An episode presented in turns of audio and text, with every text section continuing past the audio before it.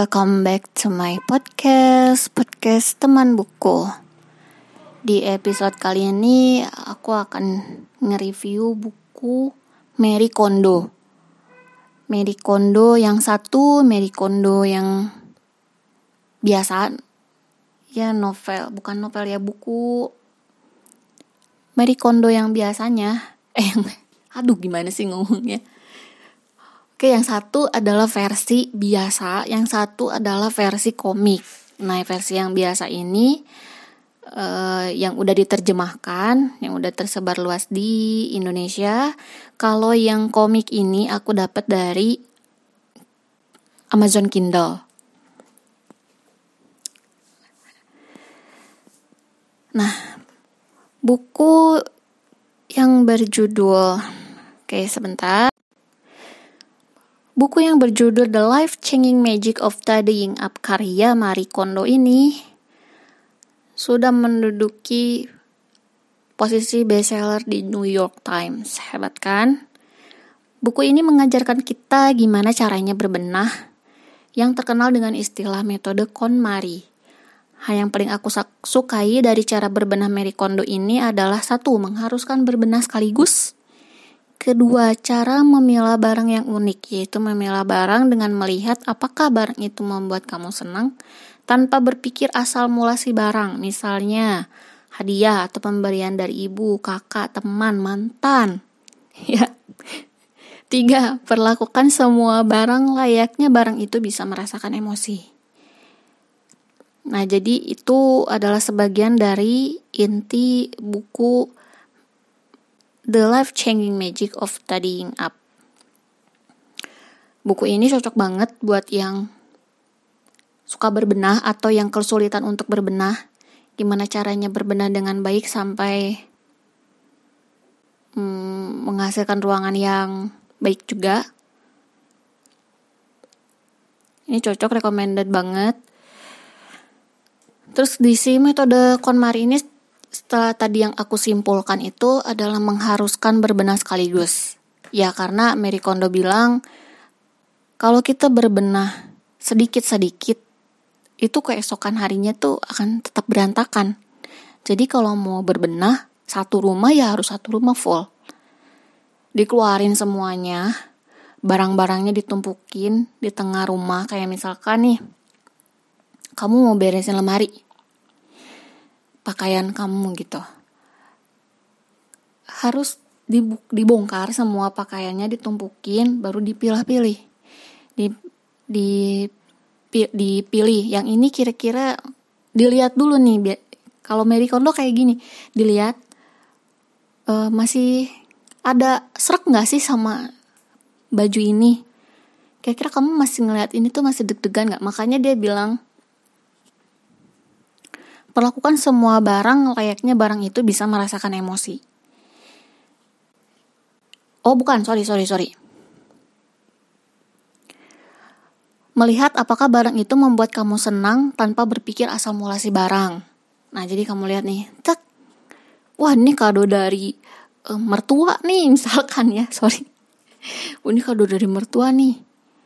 Tapi aku nggak nggak suka sama modelnya, cuman gara-gara kado dari mertua jadi aku terpaksa untuk memakai itu walaupun aku nggak suka dengan dengan baju itu atau aku terpaksa yang hanya dipakai sekali terus disimpan gitu.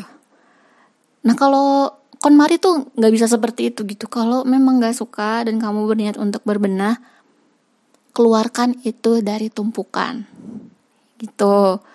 Keluarkan itu menjadi tumpukan yang tidak akan terpakai gitu. Yang emang bakalan dibuang terus ada juga kayak um, apa namanya buku oh, surat-surat atau diari-diari waktu kecil kan ngapain juga dikoleksi gitu. Kalau konmari tuh kayak gitu ngapain juga dikoleksi. Udahlah dibuang aja. Atau uh, surat-surat tagihan yang udah dibayar yang ngapain juga dikoleksi gitu. Ngapain disimpenin? Udah dibuang aja. Nah seperti itu. Terus uh, dia juga kan bilang Perlakukan semua barang layaknya barang itu bisa merasakan emosi. Ya kayak misalnya buku. buku nih udah dibaca novel. Taruhlah di sembarang tempat. Kalau dia bisa merasakan emosi kan hmm, kenapa aku dicuekin? Kenapa aku dicampakkan setelah aku dibaca aku dibuang begitu saja. Mungkin kayak gitu kali ya nah untuk itu kita harus ngambil ngambil buku itu terus simpan di tempatnya. Seperti itu. Ini uh, novel yang eh bukan novel sorry. Ini ringkasan buku yang biasa. Nah di bukunya juga ada um, tutorial bagaimana caranya melipat baju dengan benar. Dan tutorial bagaimana caranya menyimpan barang-barang agar barang-barang itu menjadi rapi. Gitu. Ya bagus sih. Pokoknya buku ini recommended sih buat yang suka beres-beres yang mau beres-beres atau yang agak kurang paham gimana caranya beres-beres yang rapi baca aja buku ini. Oke selanjutnya apa sih perbedaannya sama yang komik? Nah kalau yang komik persamaannya dulu ya sebenarnya persamaannya tuh sama metodenya tuh sama metode berbenahnya tuh sama, step-stepnya tuh sama kayak di um, apa namanya? Kayak di buku yang biasa. Tapi kalau yang novelnya ini kan eh novel sorry. Tapi kalau yang komiknya ini karena dia judulnya aja udah komik berarti kan ada kayak semacam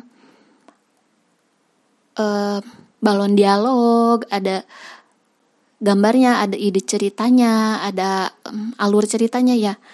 Memang seperti itu. Jadi kalau di komiknya itu ceritanya ada satu orang yang latarnya di Jepang. Ini juga orang Jepang. Dia pegawai di salah satu perusahaan swasta. Terus uh, dia yang kerjanya tuh